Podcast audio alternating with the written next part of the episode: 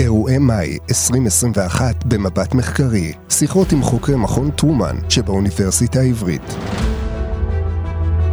חודש מאי בשנת 2021 היה חודש קשה מאוד במדינת ישראל, שבו לצד ההתמודדות המתמשכת עם מגפת הקורונה, ידענו אירועי אלימות קשים בערים המעורבות בישראל. מאורעות חסרי תקדים של התפרצות אלימה בין אזרחים יהודים וערבים בערים הללו, כללו פגיעה באזרחים, הצתות של מוסדות דת כמו בתי כנסת ומסגדים בירושלים, שלה כמובן שמור מקום מיוחד בסכסוך על רקע פינוי התושבים בשייח' ג'ראח וסילואן מצד אחד, ואישור המשטרה למצעד הדגלים לעבור בשער שכם מצד שני. כל זה הקצין את המתיחות שקיימת במילא והגיע לשיא. האירועים שהתרחשו בערים המעורבות טלטלו את המציאות הישראלית והעלו על סדר היום סוגיות מורכבות של מתח וקונפליקט בין יהודים לבין ערבים. תוצאות ההסלמה הקשות שעלו בחיי אדם ממשיכות להשפיע על מרקם חיים היומיומי של התושבים גם היום. כאן איתכם טלי מורנו, ובשעה הקרובה במסגרת הפודקאסט של מכון המחקר טרומן לקידום השלום באוניברסיטה העברית, ננסה להבין מה מאפיין את הערים המעורבות בישראל ואת המרקם האנושי, תרבותי, כלכלי וחברתי של התושבים שגרים בהן, כמו גם את הפערים שיש בין החברה היהודית לבין החברה הערבית.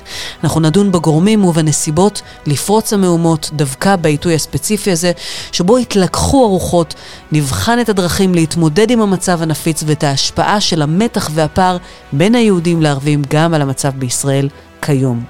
נזכור את האתגרים שעומדים בפני גורמי החוק והגורמים העירוניים שמובילים את ניהול ומדיניות הערים הללו, ונשאל האם יש ביכולתנו למנוע התכנות של התפרצויות אלימות נוספות מסוג זה בעתיד הקרוב והרחוק. לפני שנצלול עם מהומות 2021 וננסה להבין למה הן פרצו דווקא במועד ובמקומות הספציפיים הללו, בואו ננסה להבין קודם למה אנחנו מתכוונים כשאנחנו מדברים על עיר מעורבת בישראל? האם מדובר במרחב אורבני שבו מתגוררות קבוצות ממוצא אתני או דתי שונה, או בערים שבהן חברות חיות זו לצד זו, אבל לא בצורה משותפת?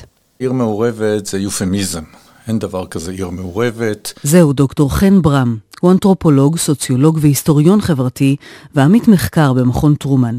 הוא חקר את הערים המעורבות רמלה ועכו כזירת מפגש לזהויות מגוונות, ובחן כיצד חוו בהן את אירועי מאי 2021, ומה היו השפעות האירועים על תושביהן. באופן כללי, כשאנחנו מדברים על אוכלוסייה בישראל, אנחנו מדברים על סגרגציה מרחבית. זאת אומרת, רוב היהודים חיים במרחבים יהודים, רוב הערבים, הפלסטינים הישראלים, חיים במרחבים אה, אה, ערבים.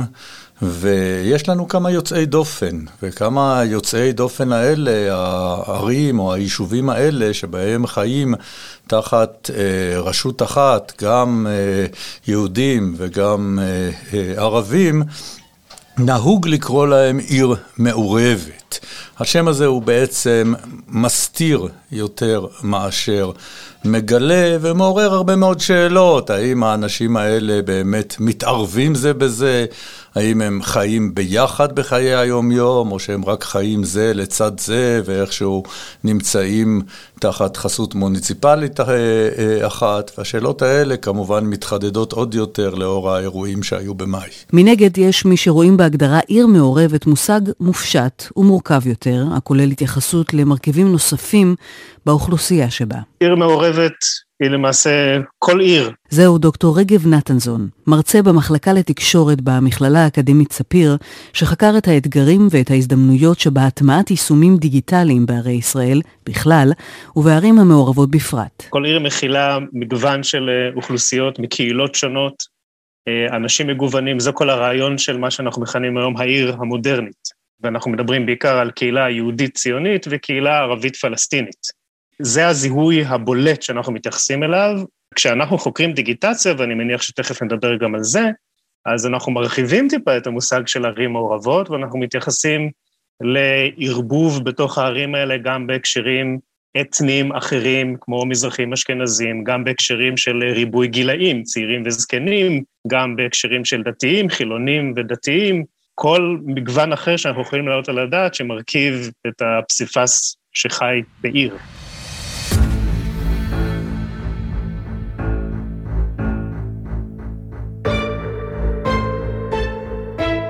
אחרי שהבנו מהי עיר מעורבת, או לפחות ניסינו להבין, עכשיו אפשר לנסות להסביר למה ההתפרצות האלימה אירעה דווקא בהן. מה מסביר את ההתפרצות הזאת בעיתוי הספציפי הזה, והאם מדובר בשילוב של גורמי רקע מתמשכים וגורמי רקע נקודתיים. אפשר להגיד שזה שניהם בעצם. יש אה, גורמי סביבה שמשפיעים אה, כמובן על אה, מצב של תסיסה חברתית. זוהי פרל ניקול חסיד, תלמידת מחקר במחלקה לסוציולוגיה באוניברסיטה העברית שבירושלים, שחוקרת קבוצות קיצוניות בישראל אחרי ההתנתקות, ואת האופן שבו הן מנסות להשפיע פוליטית וחברתית בישראל. גם שניהם ביחד אולי לא מספקים תשובה שתסביר את כל התמונה.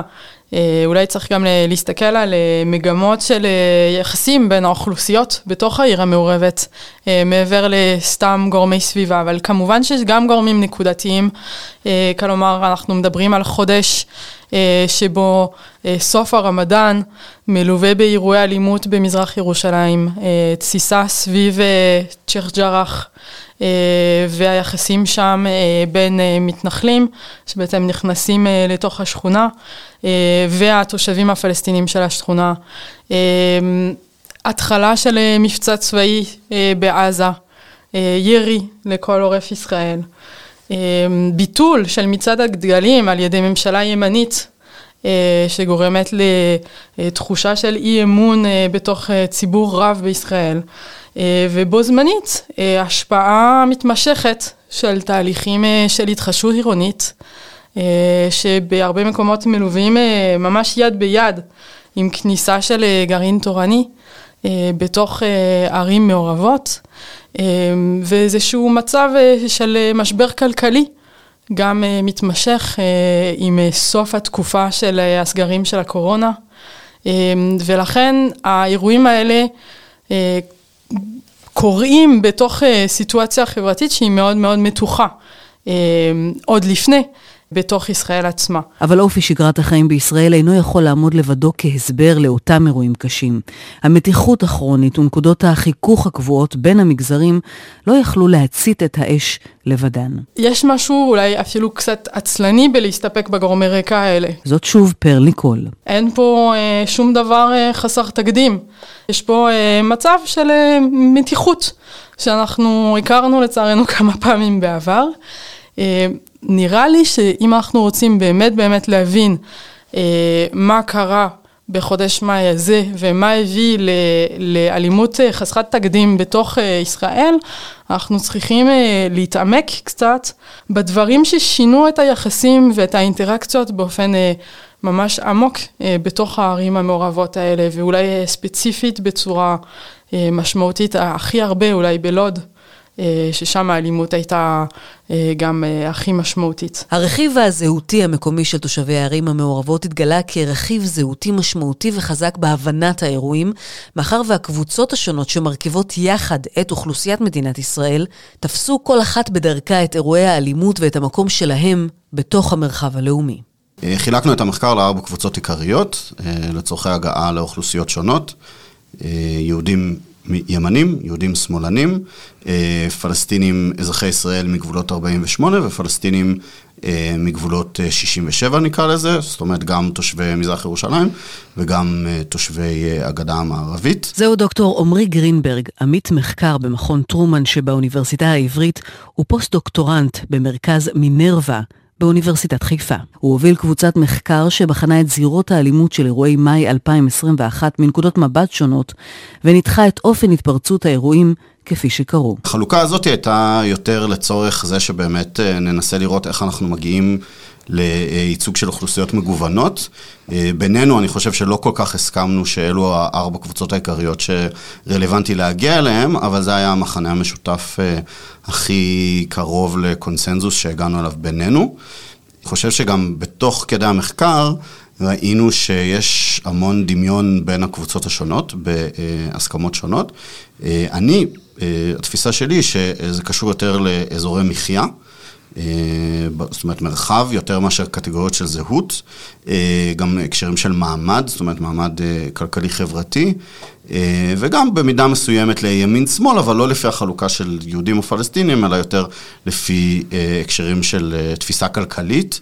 זאת אומרת, אה, יותר תפיסה סוציאליסטית מול משהו שאפשר לקרוא לו ניאו-ליברלי, או איזשהו קפיטליזם קיצוני, וגם תפיסות של לאומיות, דת, אז uh, החלוקה הכללית הייתה באמת לצורכי uh, הפשטת המחקר, ובתוך זה גילינו המון מורכבות, גם מבחינת פרספקטיבות משותפות, שהם אולי מפתיע לגלות אותן, וגם מבחינת שוני, שהוא חלק ממנו היה צפוי וחלק פחות.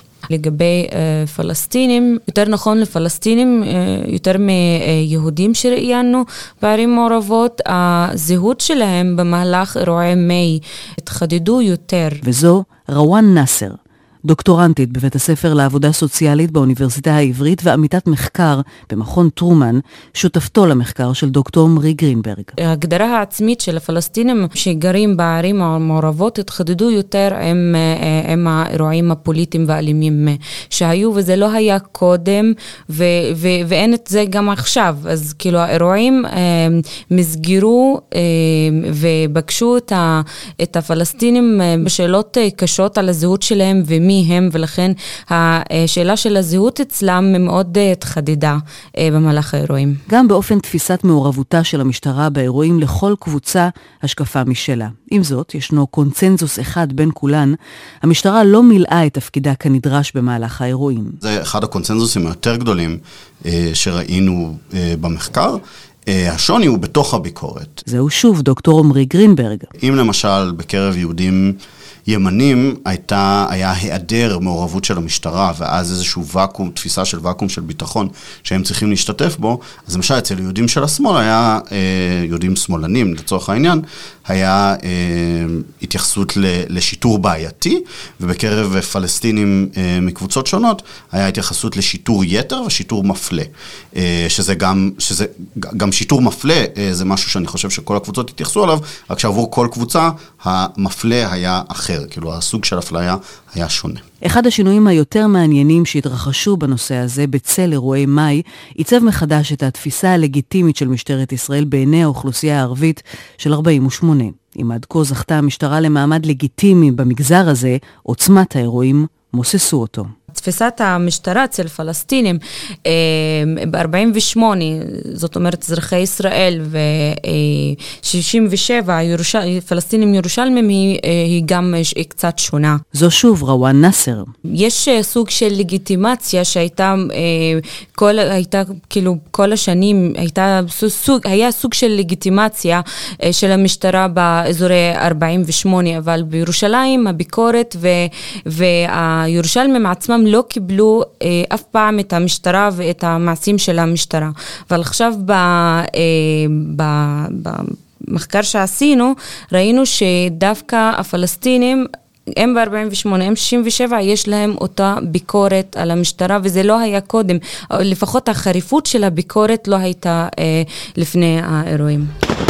סוג היישוב מנבא גם את הנכונות של התושבים לשתף פעולה עם המשטרה. בערים המעורבות נמצאה מוכנות נמוכה באופן מובהק לשיתוף פעולה עם המשטרה או לציית לחוק, זאת כתוצאה משיטור היתר שנמצא בהן. אני שאדי עקריים, המכון לקרימינולוגיה באוניברסיטה העברית בירושלים. הנושא של המחקר שלי הוא גרים ביחד וחיים לחוד, עמדות כלפי מחויבות לציית לחוק ונכונות לשתף פעולה עם המשטרה בקרב ערבים בערים מעורבות בישראל, כאשר מבצעים ניתוחי רגרסיה לינארית רב משתנים ובעצם שולטים בכל המשתנים המרכזיים, אשר לפי הספרות המחקרית מסבירים מחויבות לציית לחוק ונכונות לשתף פעולה עם המשטרה, כגון הוגנות ההליכים, יעילות ואמון, ומשתני בכוח נוספים, רואים שעדיין המשיבים הערבים בערים המעורבות מחזיקים בעמדות הכי שליליות כלפי המשטרה. אמנם לאמון במשטרה, יעילות המשטרה והגנות ההליכים יש קשר מובהק עם מחויבות ושיתוף פעולה.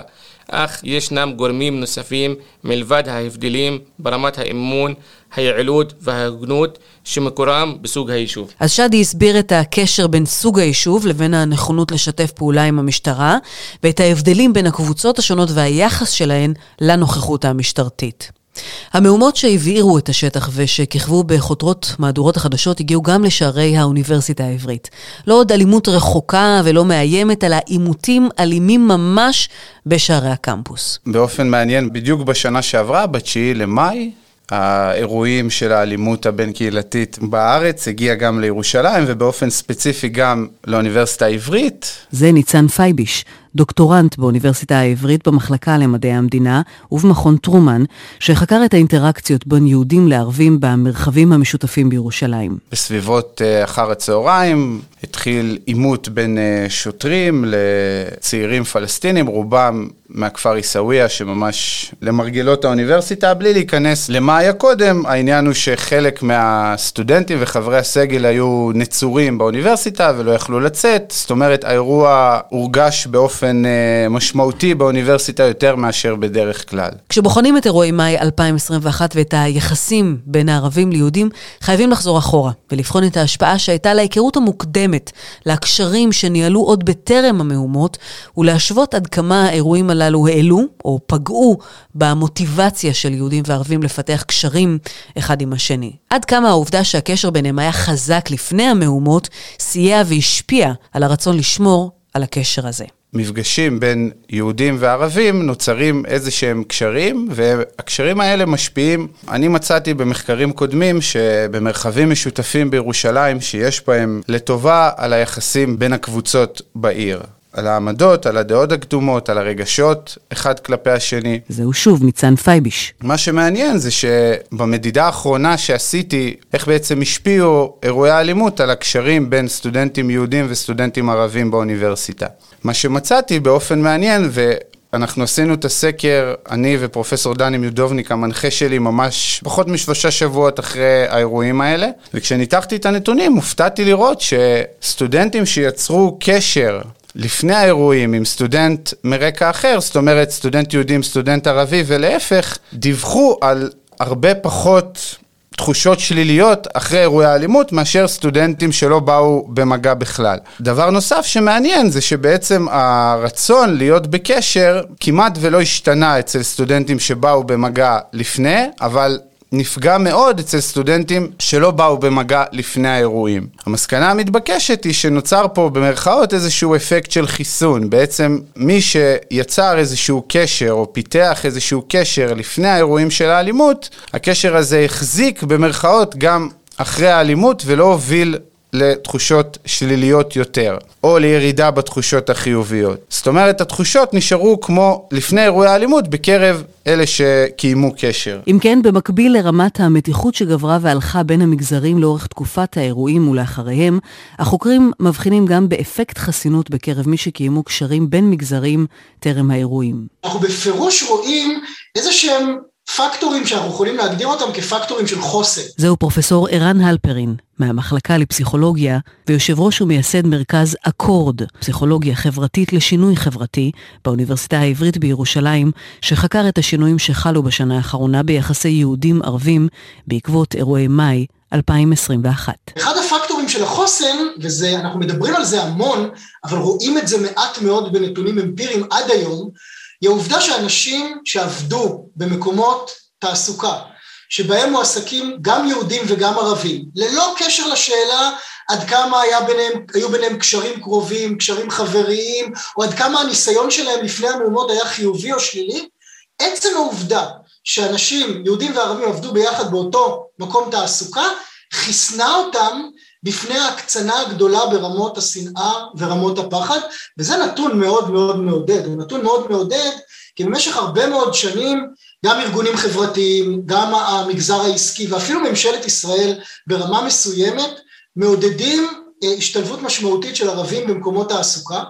אנחנו יודעים שזה חשוב כלכלית, אנחנו יודעים שזה משמעותי מאוד לחברה ולכלכלה בישראל, לא ידענו עד היום, לפחות לא ברמה האמפירית הכמותית, מה המשמעות של הדבר הזה לגבי ההשפעה החברתית שהוא עלול או עשוי לעשות ליחסים של יהודים וערבים.